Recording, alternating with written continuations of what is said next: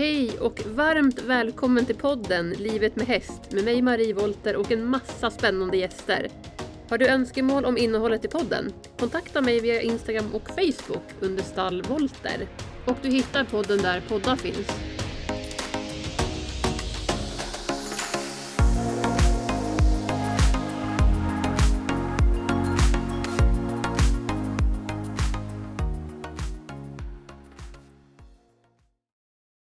Mitt första minne som jag har av hästar. Ja, jag tror jag var tio år och jag red en häst som hette Knappen. Jag hängde på magen och försökte ta mig upp efter vi hade hoppat ett kombinationshinder. Det är nog egentligen det första minnet jag har. Såklart hade jag ju ridit många gånger innan det. Men jag kan inte säga att jag minns det. Just det där när jag hängde på magen, det är mitt första riktigt starka minne. Och jag var inte rädd jag tror jag hade ganska kul. Situationen av att hänga på magen på en häst idag skrämmer mig, men det gjorde det inte när jag var 10 år. På något sätt så tog jag mig upp. Och det är väl lite så jag tycker att hela mitt liv har varit, att, ehm, att man tar sig alltid upp. Även om det ibland tar tid. Eh, och även om man ibland ramlar av så tar man sig alltid upp. Knappen var inte min första hästkärlek. Det var Zero. Men mitt första minne av honom är betydligt senare i livet. Då kanske jag är 12. Och vi rider en maskeradtävling ihop. Och det är första hästen som jag verkligen kände att jag hade ett behov av att äga. Jag mådde väldigt dåligt av att han var en ridskolehäst. Och önskade ju varje dag att någon dag så skulle Zero bli min. Han blev aldrig min. Ehm, han såldes senare till en annan lycklig tjej och jag var såklart väldigt ledsen. Jag tror att det också satte punkt för mitt hästintresse som barn. Och jag tog mig eh, aldrig riktigt vidare från, från den kärleken. Det var min första hästkärlek och, eh, och den tog slut. Och någonstans där så tog nog också mitt hästintresse slut. Så under flera år så var det fäktning, sång, teater och faktiskt väldigt lite hästar. Det var nog först i vuxen ålder när min största resa någonsin började.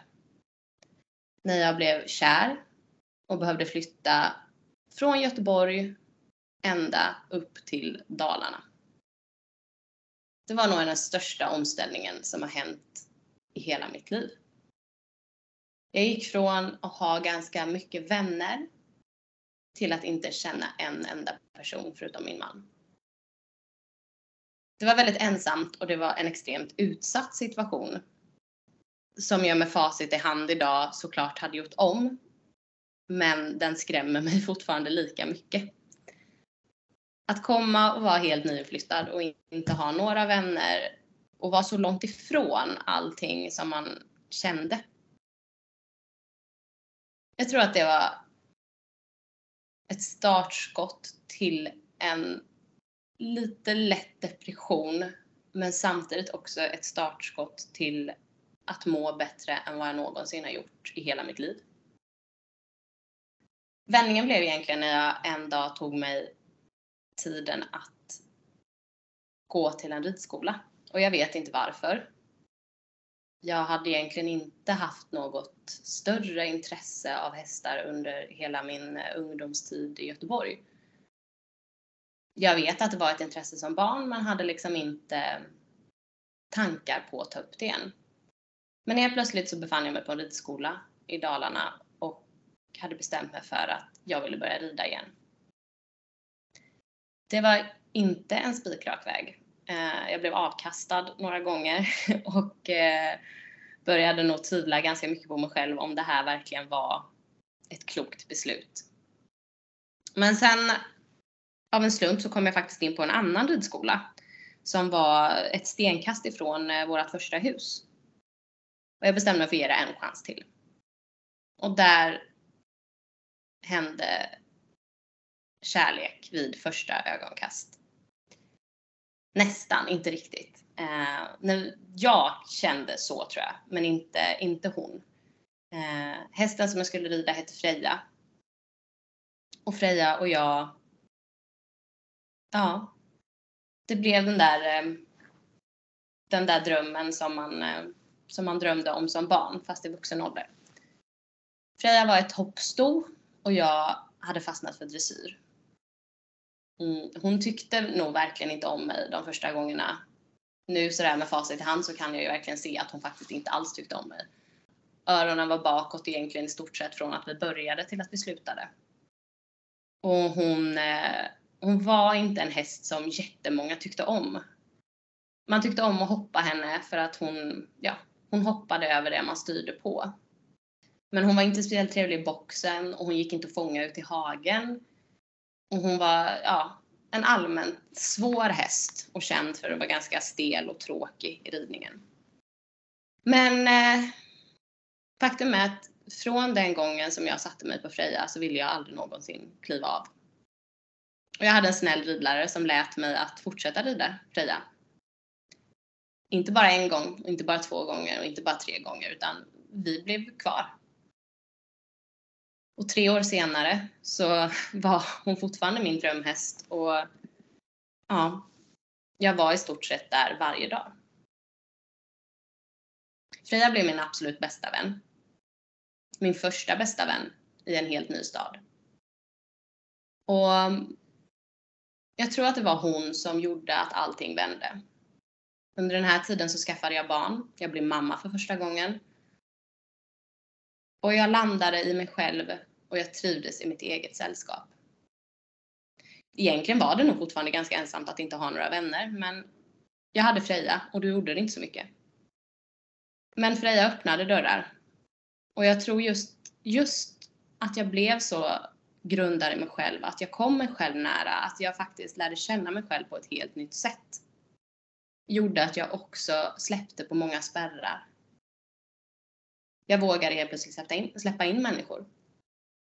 Det dröjde inte jättelänge förrän min första bästa kompis stod där. Hon var nyinflyttad, skulle bli ridlärare, min ridlärare. Och det blev hon, men hon blev också min bästa vän.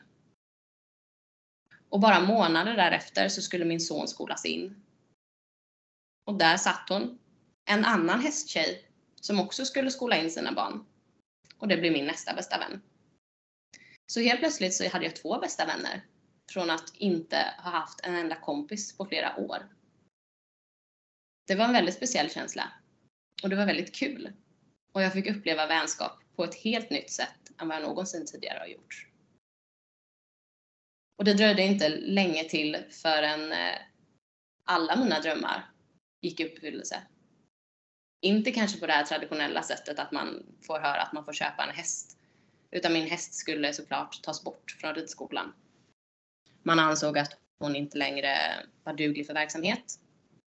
Och man valde att ta beslutet att avliva henne. Jag har nog aldrig mått så dåligt i hela mitt liv. På något sätt så såg jag Freja som startskottet till all lycka.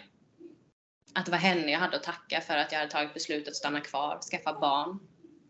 Och att jag hade fått de vännerna som jag har idag. Men det jag inte visste då var att att ha nära vänner betyder också att man har folk som stöttar och backar upp i alla situationer.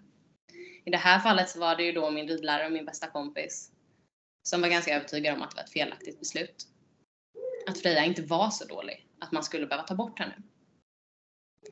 Hon gick i strid för det här och det gjorde faktiskt att hon förlorade sitt jobb och jag blev också mer eller mindre utslängd från ridklubben. Det var inte uppskattat att man gick emot ett sådant beslut och att man fick rätt i sak. För vi tog henne till en ny veterinär och där fick vi UA. Hästen var alltså frisk. Hon hade en lätt markering på, bakben, på ett bakben men utöver det så var hon UA på alla benen. Och man ansåg inte alls, den nya veterinären ansåg inte alls att hon var alltså i så pass dåligt skick att man behövde ta bort en häst. Jag nöjde mig inte riktigt där utan jag tog ytterligare en second opinion och den veterinären sa exakt samma sak. Efter det så um, var det som sagt en ganska turbulent tid men slutet gott, allting gott. Jag lämnade klubben tillsammans med min bästa kompis och tillsammans med mina drömmars häst. Vi åkte därifrån och jag tror nog aldrig egentligen att de tårarna slutade rinna. Jag var så otroligt lycklig att det som jag alltid hade lovat henne äntligen fick bli så. Freja flyttade hem till Dalarna, hem till Utanmyra, där vi bor. Hon fick gå i en lösdrift eftersom hon alltid hade hatat box. Och hon fick gå tillsammans med en flock för att var det någonting jag var säker på så var det att jag visste att hon älskade andra hästar.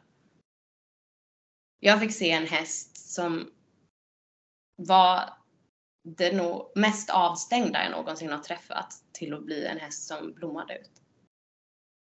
Och det är det, utefter mina barn så är det det största som hänt mig. Frejas kärlek kommer jag ta med mig för alltid.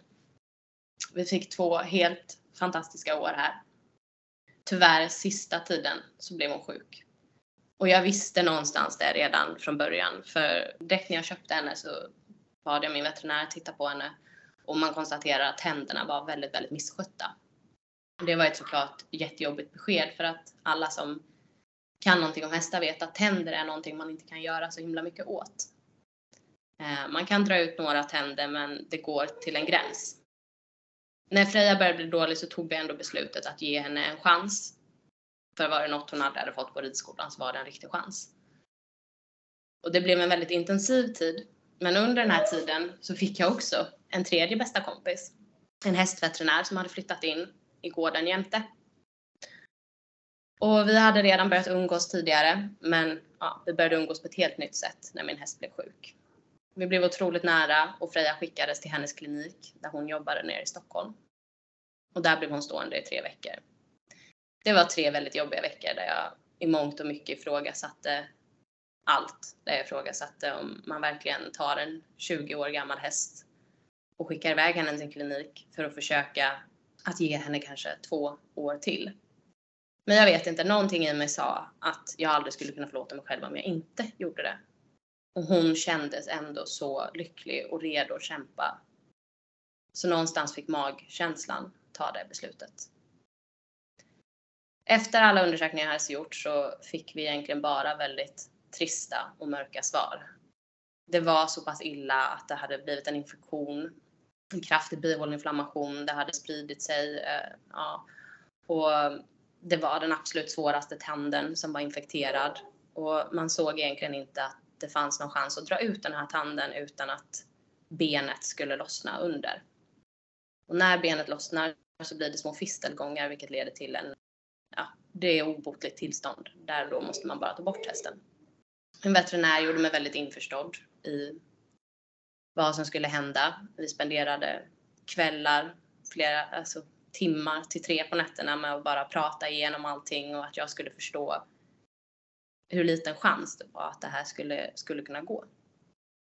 Så jag vet inte om jag egentligen där och då redan hade bestämt mig för att hon inte skulle överleva detta. Men eh, när dagen väl kom och det var dags för operationen så, så vet vi inte någon av oss egentligen hur det riktigt hände. Men hästen hade på något sätt lyckats självläka. Så när man drog ut handen så lossnade den direkt utan att man egentligen behövde rycka.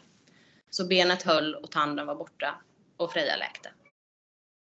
Man hade ju gärna velat sätta punkt där. Men riktigt så enkelt var det inte utan vi kom hem, hon fick rehabiliteras hemma hos min kompis stall för att försöka komma tillbaka i, ja, i den fysiska kondition att en häst klarar av att gå på lösdrift. Och jag kände väl egentligen att hon var för gammal och för skör för att någonsin igen orka en lösdrift och ville väl mer av allt ha kvar henne i en box. Men det gick inte för Freja hade en väldigt stark egen vilja. Så så fort vi gick ut så försökte hon skena med mig tills hon kom på att jag satt på ryggen och då stannade hon. Men hon visade med hela sin kropp hur olycklig hon var och även att stallet bara var 50 meter från hennes hem. Så ville hon verkligen tillbaka till lösdriften.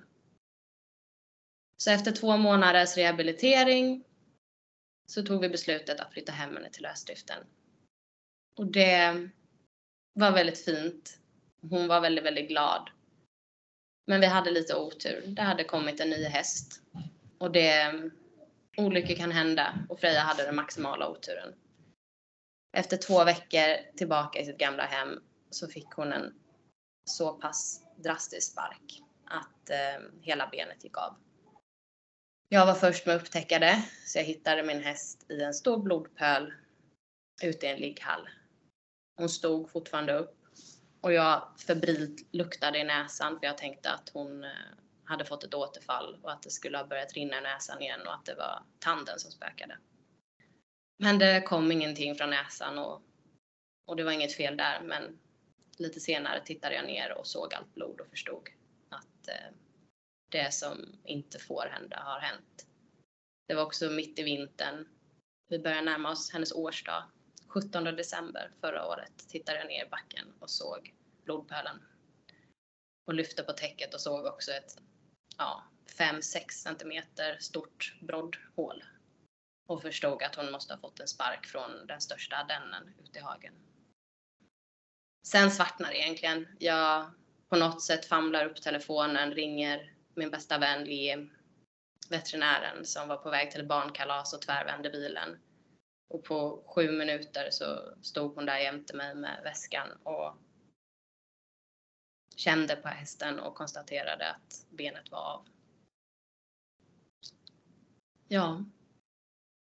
Jag minns att jag sjöng ut i vår hage och sen sa vi hejdå. Och det är väl egentligen min hästhistoria. Hur jag blev en hästtjej. Jag lämnade Freja där. Och kanske även en del av mig. Men där och då fick jag också lära mig hur viktigt det är med relationer. Det är klart att min man betyder allt och mina barn betyder allt. Men det kommer lägen i livet där man blir så himla skör. Där det är så viktigt att ha människor runt omkring sig som bara ställer upp. I vilken situation du än befinner dig. Jag är så tacksam för Freja för att hon hade gett mig tre helt magiska vänner. Som alla fanns där. Både min man, såklart mina barn, men framförallt mina vänner i den situationen betydde mer än vad jag någonsin kommer kunna sätta ord på. Och för dem allihopa är jag, kommer jag alltid vara evigt tacksam. Och jag tror att de blev, tillsammans så blev hela den här händelsen också ett startskott för mitt yrke idag. Stresspedagog och med inriktning på emotionell stress.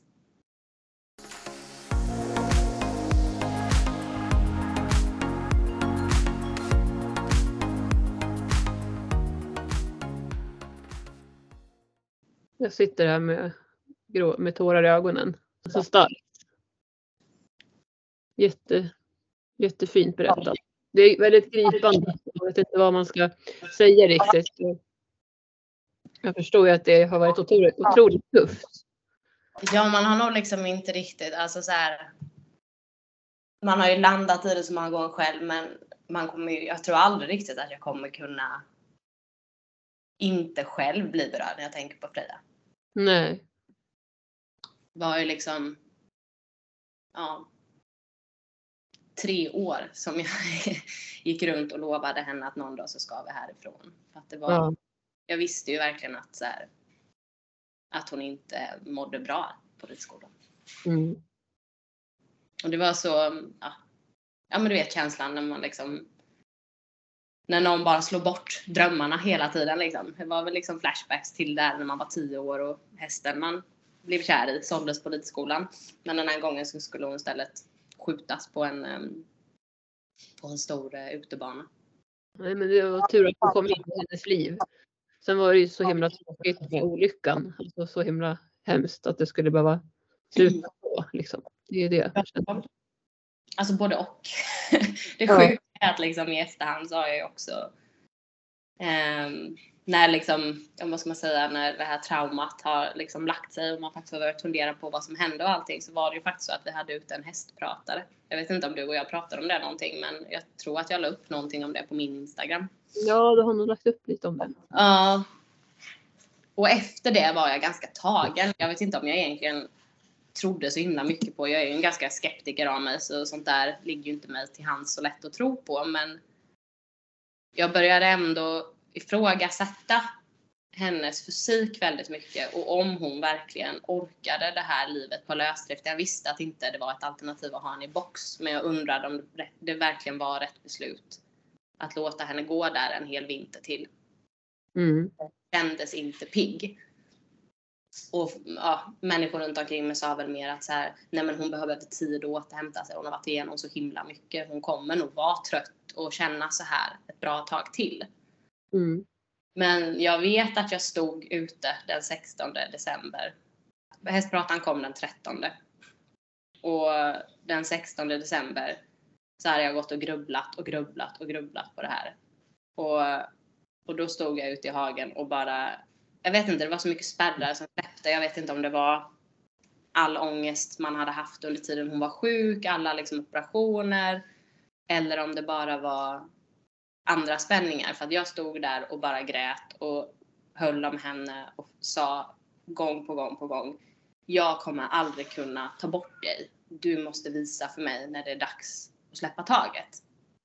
Och jag vet att jag frågade det till hästpratan också och hon svarade väl bara hon kommer visa dig när hon inte är redo längre. Men just nu är hon bara tacksam för att hon lever. Ja, någonstans har jag nog landat i att hade hon orkat kämpa så hade hon flyttat på sig när en häst börjar sparka. Ja. Jag måste typ nästan tro det för att orka med det. Jag kan inte tänka att hon hamnade i ett så dåligt läge att hon blev fast och ville flytta på sig men inte kunde och bara hade så mycket otur. Mm. Men någonstans så väljer jag hellre att se att hon kanske faktiskt inte orkade mer. Mm. För då visste hon att jag aldrig skulle ja, Ja. fundera på något annat än att gå. Liksom.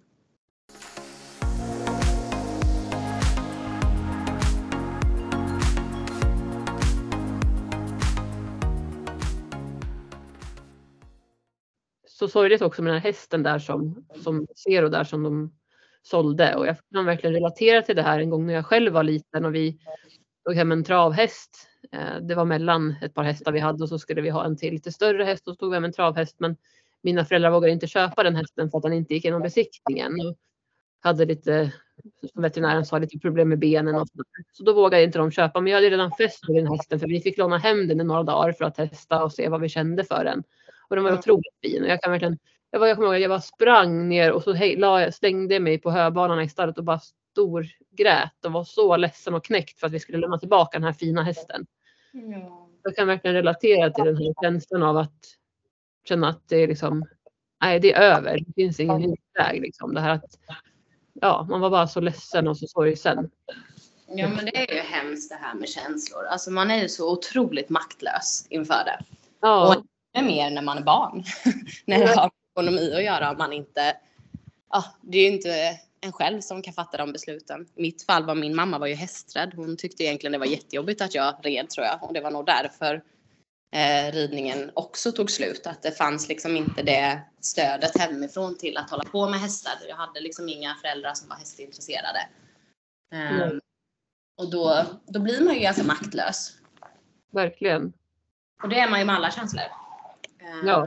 Det finns ju ingenting som eh, som, eh, ja, men som kan eh, som kan sätta livet i gungning på det sättet som, eh, som känslor kan. Nej, verkligen. Och vi kan ju komma in på mer om det här med känslor, men jag tänkte du ska få berätta lite grann om det som du utbildar dig som du nu eh, vill jobba med. Berätta mer om, om ja, vad innebär att jobba som pedagog och berätta. Ja, eh, jag är som sagt utbildad wellness stresspedagog. Eh, och med det så innefattar det väl egentligen att eh, min uppgift är att träffa människor och ta dem från eh, ett eh, stadie i livet till ett annat stadie i livet skulle man kunna säga. Att hjälpa folk att, att påbörja en, eh, egentligen en inre resa till att må lite bättre. Och sen, eh, ja, vad det är som är en stress kan ju se väldigt olika ut. Eh, stress kan ju vara fysisk, den kan vara mm, eh, emotionell, den kan vara, ja alltså.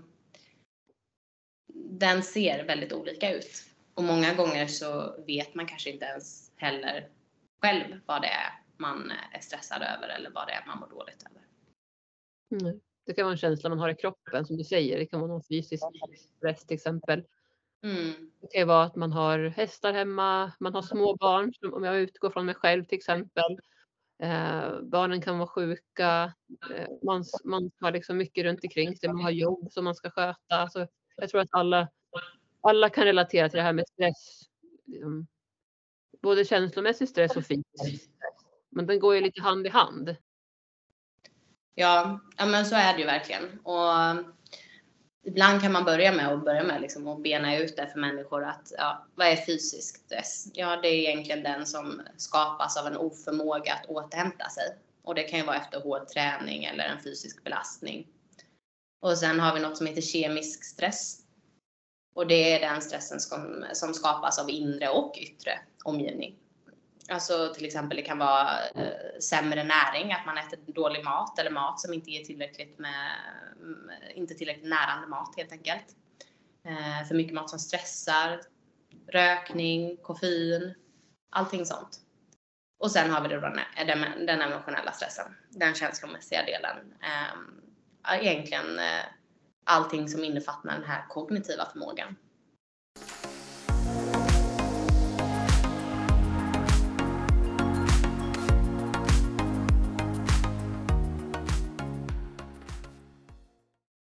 Det här när man har till exempel egen häst eller man är med hästar, men framförallt tänker jag när man har egen häst eller medryttare eller fodervärd så att man har ansvar av en häst eller flera.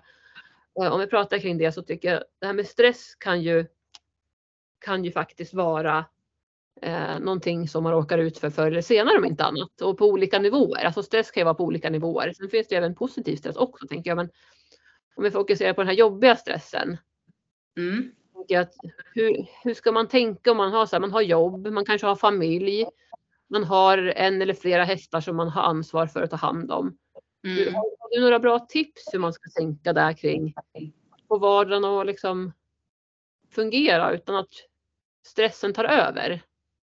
Ja, jag brukar alltid um, tänka att mycket ligger i oss själva att det någonstans många gånger handlar om eh, någon form av prestationskrav och att man inte riktigt är rimlig med sig själv. Ibland kan jag vilja att man sätter upp vad man har för agenda på en dag. Vad det är man tänker att man ska hinna med. Och ställa det i, i liksom, ja, i jämförelse med hur många timmar man faktiskt har de flesta människor har ju ett jobb som man går till på morgonen.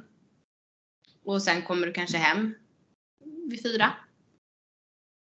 Och sen av någon anledning så verkar man ha en lista därefter på 50 punkter som man ska hinna med innan man ska gå och lägga sig. Och så mår man dåligt när man går och lägger sig för att man inte har hunnit med det som man hade tänkt. Så att jag kan vara lite så att steg ett för att börja jobba med stress det är att fundera på vad är det du ställer för krav och hur mycket, hur ser din planering ut egentligen? Mm. Det är det där delar, att vi ställer alldeles för höga krav och förväntar oss att vi ska klara av eh, alldeles för mycket saker på kort tid. Du har helt rätt där.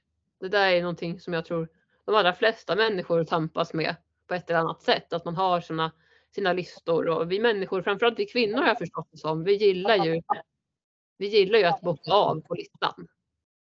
För då, ja.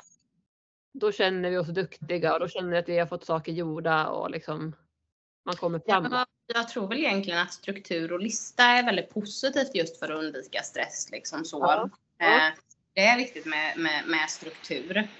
Eh, men men så, då kommer ju lite den här roliga delen, den emotionella stressen in som jag den är så kul för den kan ju dyka upp lite när man, när man egentligen som minst förtjänar den. För man tänker att man gör allting rätt, man har listor, man ser till att klara allting.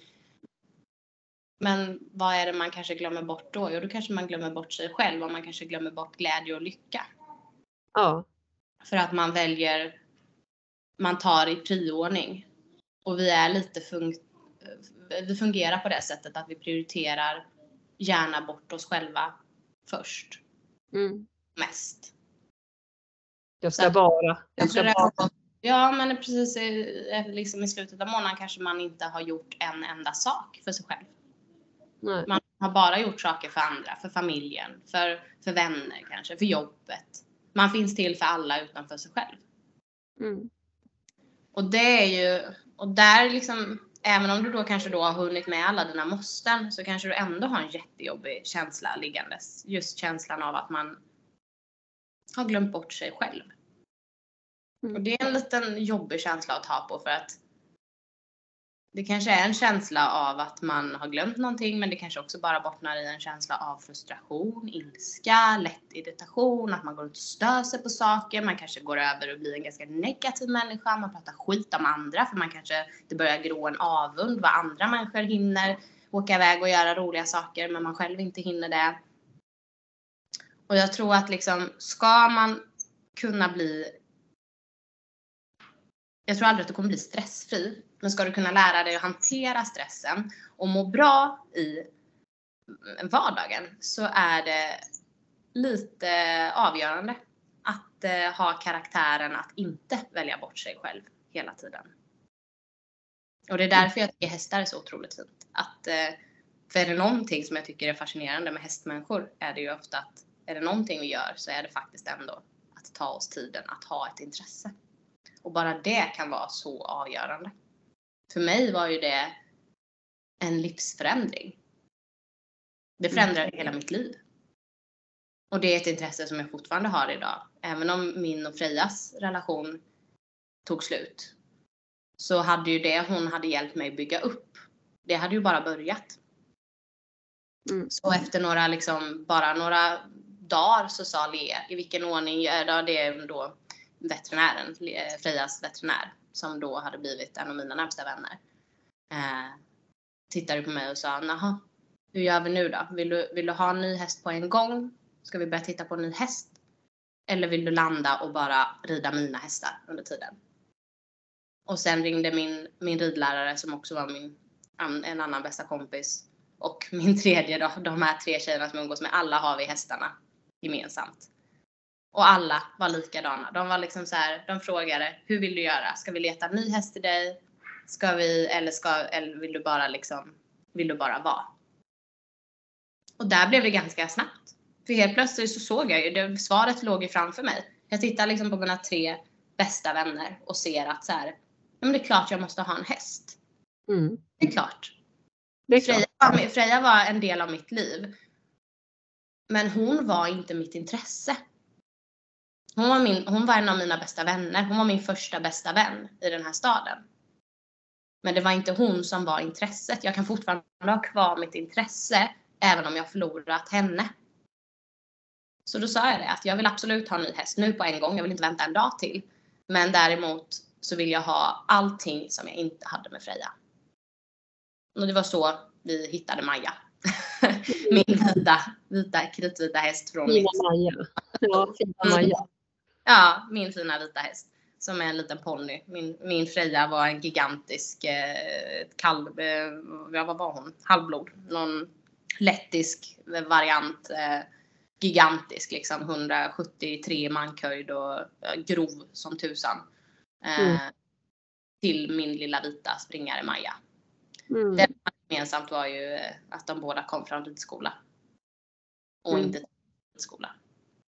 Mm. Men Maja är ju då bara en, en, en, en 12-årig ponny med väldigt mycket energi. Så att jag, allting som inte Freja hade såg jag ju till att skaffa i Maja. Ja. Och Maja är ju verkligen eh, ett nytt kapitel i sig. För här är det verkligen, det är, här är det mitt intresse som får blomma. Jag tycker Maja är en fantastisk ponny och en fantastisk individ. Ehm, och våran liksom, kärlek växer lite för varje dag. Men det är inte samma relation som jag hade till Freja. Det är en helt annan typ. Freja red jag för hennes skull. Jag tog hand om henne för hennes skull. Eh, jag ville på något sätt ge tillbaka allting som hon hade gett mig. Maja är en ge och ta-relation. På något sätt symboliserar hon det livet som är nu. De relationerna jag har idag. Att man ger och tar. Och det är någonting som jag tror är otroligt viktigt för att ha sunda relationer. Och sunda relationer i sig leder till ett liv med mindre stress och där man mår bättre. Relationer är en jätteviktig del i emotionell stress. Um, och um, pratade om det här nyligen att just um, det finns lite två olika typer av människor. Man kan vara ensamtypen och så kan man vara tillsammanstypen. Och det säger väl egentligen bara att tillsammanstypen har ett väldigt, väldigt stort behov av att vara runt andra människor. Medan ensamtypen kanske har ett mindre behov av det. Men de flesta människor brukar ändå ha någon form av behov att ha goda relationer runt omkring sig. Men just med betoning på goda.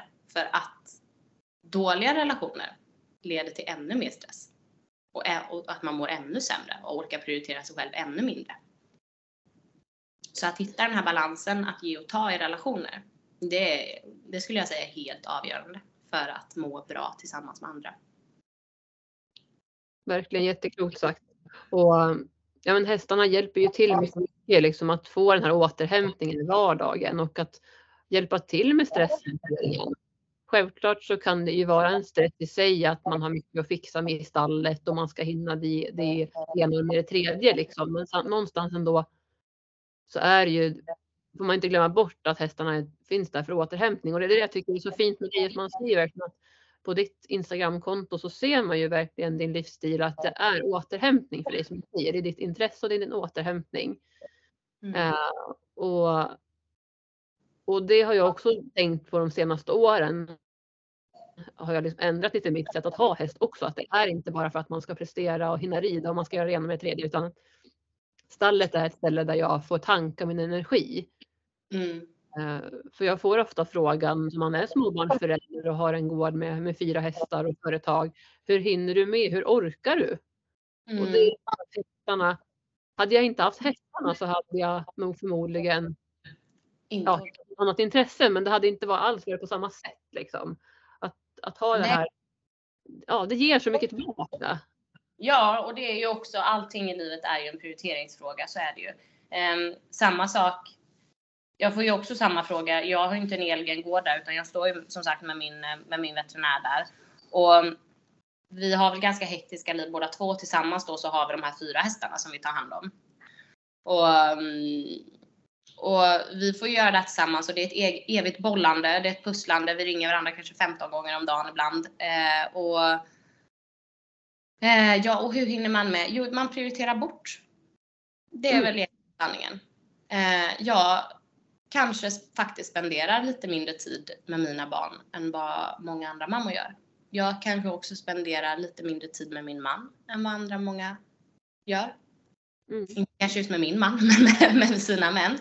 Eh, och det är nog så. Jag väljer bort. Jag, jag jag har inte kanske de här kvällarna när jag ligger och kollar på Sveriges Mästerkock eller ehm, ja, Så mycket bättre eller vad de, alla program. Liksom.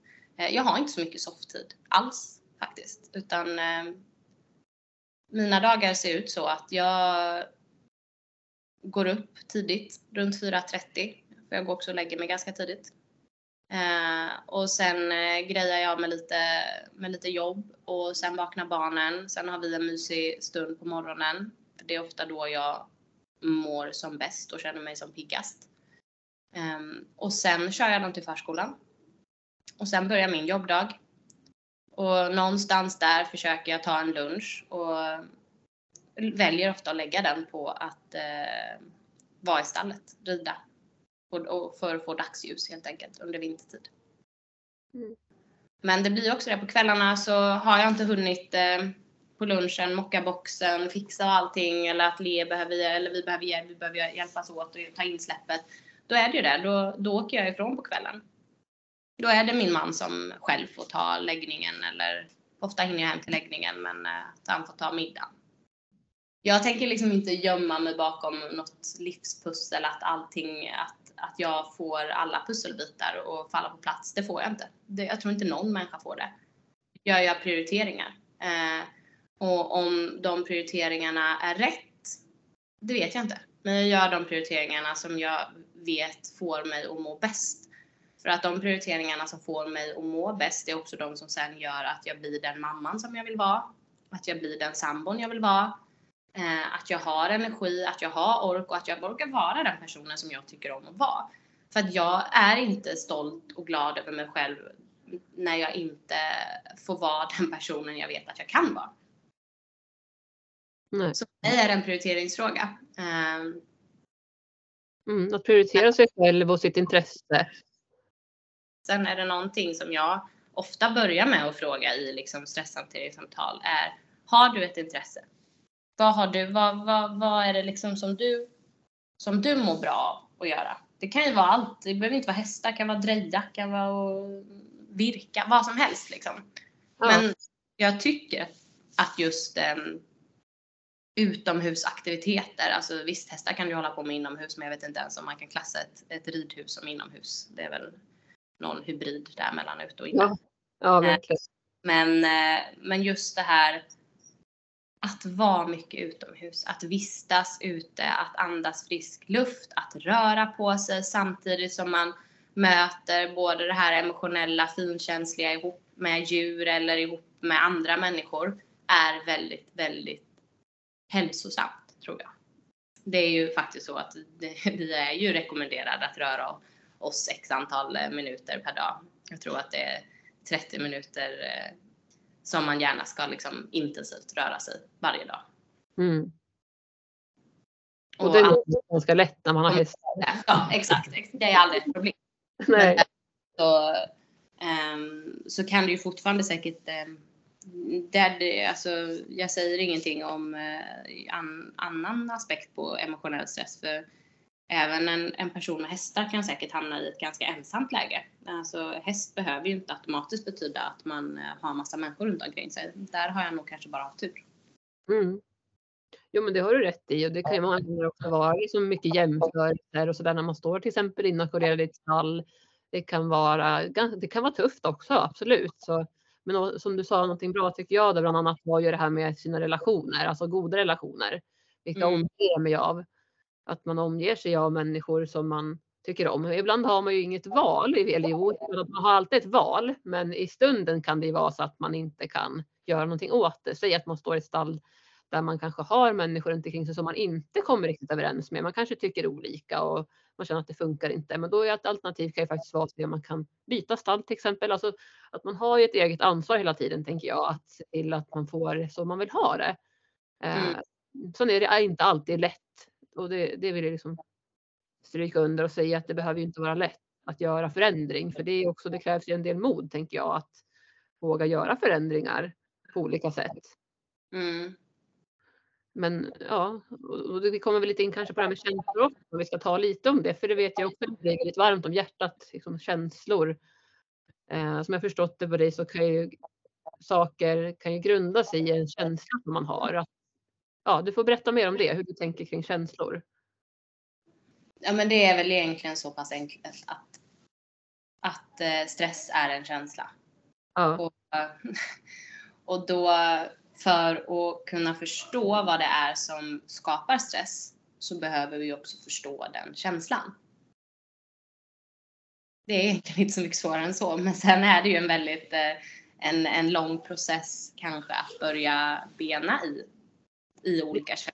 För ofta är det sällan en känsla utan det är ringa på vattnet. Att kommer man på en känsla så kommer man på nästa och sen kommer man på nästa och sen kommer det mer och mer saker. Mm. Eh, men eh, men emotionell stress, den är, den är tuff att jobba med för att många gånger så för att komma, alltså riktigt råda bot på en, en, eh, en svår emotionell stress kräver ju någonstans att man börjar bygga på självkänslan. Man kan ha jättebra självförtroende men det behöver inte betyda att man har en, en bra självkänsla. Nej. Det, någonstans så är det ju där man behöver lite börja och det är en resa man behöver göra. Alltså, men eh, jag tror att alla människor mår bra av att kunna komma i kontakt med sina känslor om man vill det. Men för det sakens skull så tycker inte jag att man alltid, alltid behöver förstå alla känslor. Ibland eh, kanske man bara känner att det brister lite när man kör bil och det kommer upp massa känslor. Och jag lägger inte så stor vikt vid att man alltid då behöver gräva i vad är det för känslor som kommer. Ofta vet vi men är det så att man inte vet det så kanske man får reda på det vid ett senare tillfälle. Men ibland kan det också vara bara skönt att känna saker utan att behöva sätta på papper exakt vad och varför. Alltså från, från morgon till kväll så matas vi med intryck. Hela, hela dagen. Och att för mig att det rinner över ibland. Att man inte orkar mer eller att man bara så här, ibland är vi bara helt, helt slut på intryck. Det är väl inte så konstigt. Så Mm. jag ser det som att så här, vad fint att man har kommit till ett stadie där man kan bara så här känna själv när det faktiskt är fullt och låta sig själv få lite utlopp av det. Mm. Sen är det olika hur man väljer att få utlopp för det. Vissa kanske känner att tårarna kommer. Andra kanske känner att de behöver en timme för sig själva, bara ut och gå, bara andas frisk luft, ta en promenad. Eh, vissa har kanske den här, eh, men om, man är, om man är väldigt som det här jag pratade om innan, eh, tillsammans typ. Kanske direkt känner att oj, jag behöver ringa en vän. Jag behöver ringa och prata av mig. Nu är det liksom, eh, nu står det mig upp till halsen med känslor inombords och, och man behöver verkligen få ventilera. Och det är återigen varför relationer är så viktigt. Att är du en tillsammans-typ, ja, men då är just det här känslan att ha en, väs- en vän att ringa och prata med. Känslan att få bolla tankar med någon. Ehm, det är så otroligt viktigt. Det är så värdefullt för hur vi mår. Mm. Men det kräver också en, en otrolig tillit och det kräver också att du har en relation som är ge och ta. För det finns ju ingen vän som orkar lyssna på dig timme efter timme efter timme, vecka efter vecka, men aldrig är du personen där som, alltså aldrig är du personen där tillbaka. Utan då liksom så här, då kräver det ju att man, man kan vara det som man behöver få också. Ja, absolut. Och det är också en fantastisk grej som jag ser som en ehm, som en av de finaste sakerna jag fick av Freja, att tvingas att i vuxen ålder hitta nya vänner. Mm. Även om jag har kvar mina vänner som, är, liksom, som bor i andra städer så är det ju inte alls samma sak. Man kan inte träffa dem på samma sätt som jag kan med dem som är här, ett stenkast bort. Ehm, och att få välja vänner i vuxen ålder, det är ju något av det häftigaste jag har varit med om just för att det blir en helt annan typ av relation för att idag vet jag vem jag är och jag vet vad jag behöver och jag vet vad jag mår bra av. Alltså har jag kunnat eh, söka mig till den typen av människor och de har valt mig lika mycket tillbaka. Ja, så sant.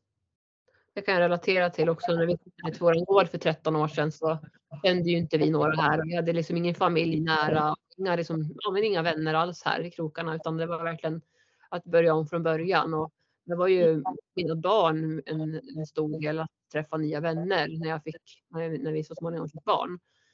Eh, och mitt nuvarande jobb också var ju ett sätt att eh, lära känna nya människor och utöka mitt kontaktnät. Så, så absolut, jag kan verkligen relatera till det här som säger att vänner i vuxen ålder. Mm. Jättefint att få göra det. Och, och där är också en grej varför det är så viktigt att ha en självkänsla. För att det är inte världens lättaste sak. Det är inte att man bara säger till någon, ut och skaffa lite nya vänner. Alltså det kan ju sitta, det kan vara jättejobbigt för många Ja. Verkligen. Eh, och där är det nog liksom, men det är självkänslan man behöver jobba med. Mm. När du själv ser att du är värd det så blir det så mycket lättare att också ta det. För många gånger kanske vi bara går förbi det för att vi inte ser oss själva värdiga att få det. Um, och det är ju det är tråkigt när man inte vill ge sig själv det bästa. Men, men tyvärr om man, om man börjar rannsaka sig själv så kanske det är mycket så vi fungerar.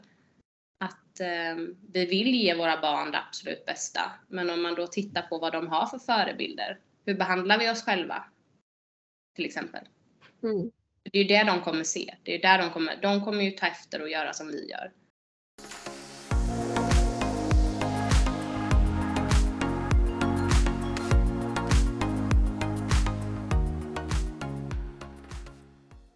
Hela, hela helgerna i stort sett så, så en, alltså är jag ju 100% engagerad i att eh, umgås med våra gemensamma vänner för att jag har sett till att det är så jag vill ha det. Jag vill att mina bästa vänner ska vara barnens bästa vänner. De är ju liksom med kompisar men de har föräldrarna där och vi har kul tillsammans. De ser ju oss som en familj allihopa. Och jag ser det som ett otroligt tryggt och stort socialt nätverk som de har fått i tidig ålder. Och, och vi är väldigt eh, måna om att liksom så här, barnen är iväg och leker mycket med kompisar, barnen är här och leker. Eh, och vi spenderar väldigt mycket kvalitetstid med våra barn. Men däremot så har jag inte så mycket av eh, kanske det här eh, vardagspusslet som många har med sina barn. Ja, men som du, som du sa det här att, att när man är med barnen, att man är 100% närvarande. Sen tror jag som, som du säger att, för jag är, har ju lite likt dig, jag är också där att min man sköter en del sysslor hemma med matlagning och sånt på kvällen och jag är ute hos hästarna till exempel.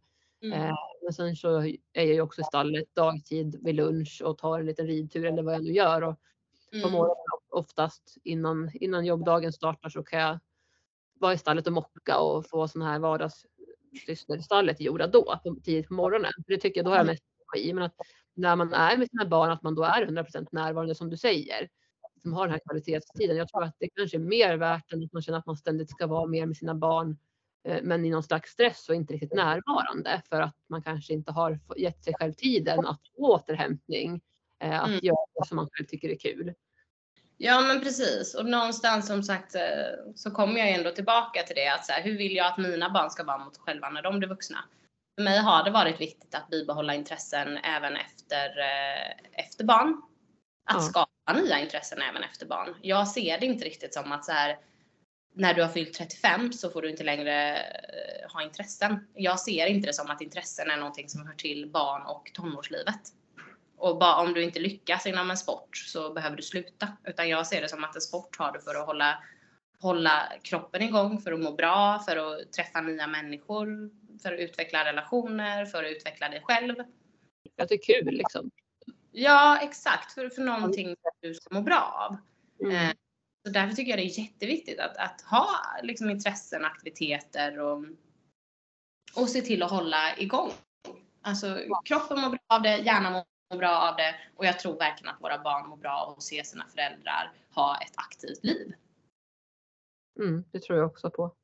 Är det någonting som jag har hört många må dåligt av i vuxen ålder så är det att se sina föräldrar ännu vuxnare och ännu ensammare och eh, inte har någonting att göra. För att för många tar lite livet slut när barnen flyttar hemifrån. Inte slut är att ta i kanske.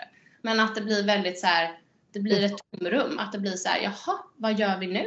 Ett tomrum kommer det ju bli oavsett. Det kommer ju vara omöjligt att liksom inte få. Men just det här, jag vill verkligen, när mina barn flyttar hemifrån den dagen, då vill jag verkligen känna att det finns så otroligt mycket saker som jag vill göra och som jag äntligen kommer få ännu mer tid till inte känna att jag kommer få panik för jag inte vet vad jag ska göra hela dagarna. Och jag menar, det blir svårare och svårare tror jag med åren. Alltså, jag menar, det är ju svårare, tänker jag, att vara 55 och få för sig att man ska börja hitta massa intressen. För att det är ju mycket lättare till exempel eh, olika fysiska aktiviteter är ju lättare om man redan kan dem och fortsätta och hålla i dem sen. Det är svårare för en 55-åring att ställa sig på skidor för första gången än vad det är för någon som är 25 eller 35 och börjar lära sig då. Men däremot så är det inga problem att hålla skidintresset igång när du är 55. Om du redan kan det. Och samma med ridningen. Det finns ju folk som är 80 som rider. Men det är kanske inte så många som sätter sig på en häst för första gången när man är 80. Men har du gjort det hela livet så är det ju mycket lättare att hålla i det. Så att växa ihop med hälsa. Det är väl lite det som formbar hälsa kom till från. Att hitta mm. som passar dig, som får dig att må bra och som du kan hålla i handen hela livet ut. Liksom en hälsa som håller dig i handen hela livet ut. Inte en hälsa som du behöver lämna bort efter ett halvår för att du körde slut på dig själv på en eh, löpmaskin på gymmet och tänkte att nu ska jag börja springa fem gånger i veckan och så tog det tvärstopp. Mm.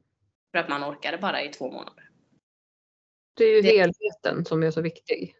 Ja, precis. Att man hittar en livsstil som verkligen går hand i hand med det livet du vill leva. Mm.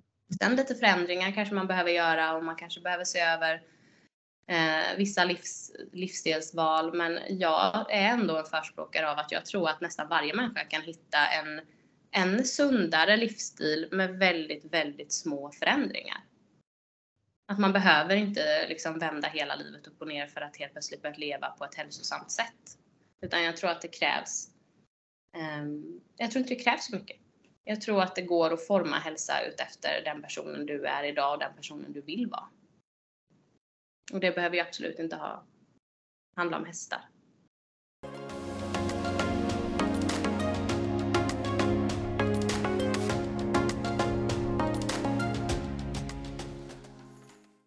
Har du något tips om man känner att man är stressad?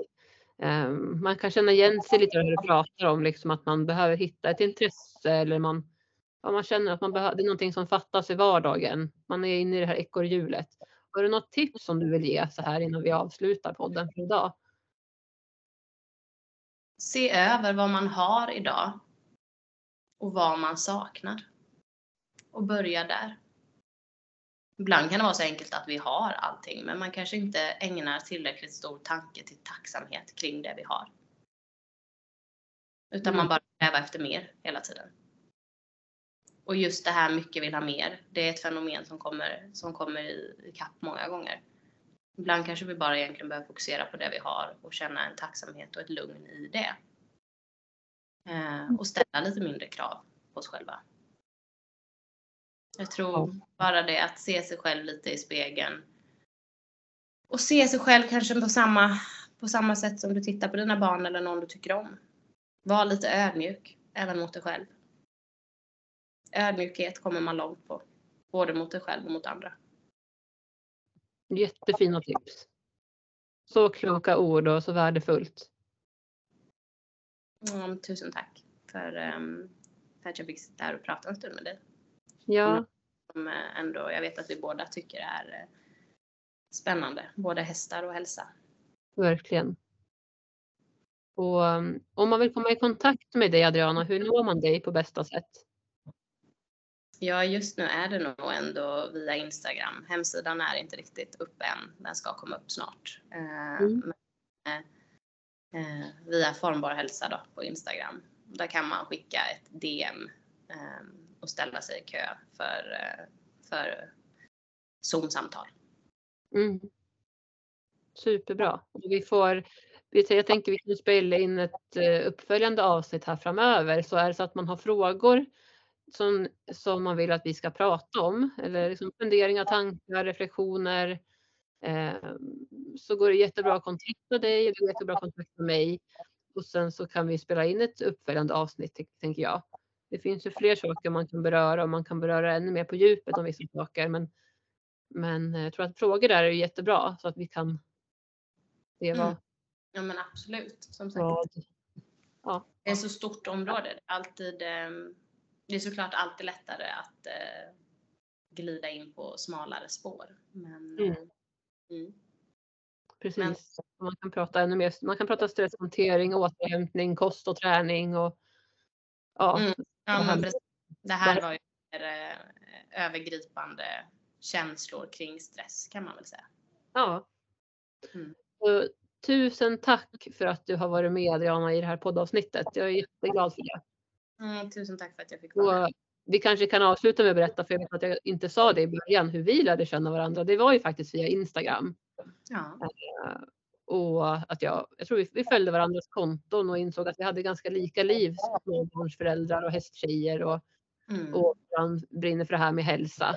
Och eh, Mm. Ja. apropå det här med att våga, våga ta kontakt med nya människor så tänkte jag att det kan väl vara ganska ett bra sätt att avsluta med om man känner att man vill ha liksom nya kontakter, ny- nya relationer. Att våga skriva till exempel på Instagram till någon man följer. Eh, och liksom, det var ju, för hade inte vi skrivit till varandra vi inte vi suttit här idag och fått dela med av den här kunskapen som du. Nej, nej men verkligen. Alltså, det är väl eh, ehm, alltså, engage- att, man, eh, att man vågar engagera sig i sin egen eh, lycka. Säger magkänslan att eh, den här personen vore kul att lära känna lite mer. Ta det steget. Ja, Det är ju, säger personen nej så var det menat att, att det inte skulle bli en, en, en ny kompis, tänker jag. men eller hur? Precis så. Så uh, have some faith så blir det bra. Ja. Tusen tack. Detsamma och ha en fortsatt fin dag nu då allihopa. Detsamma. Detsamma. Ja. Hej då.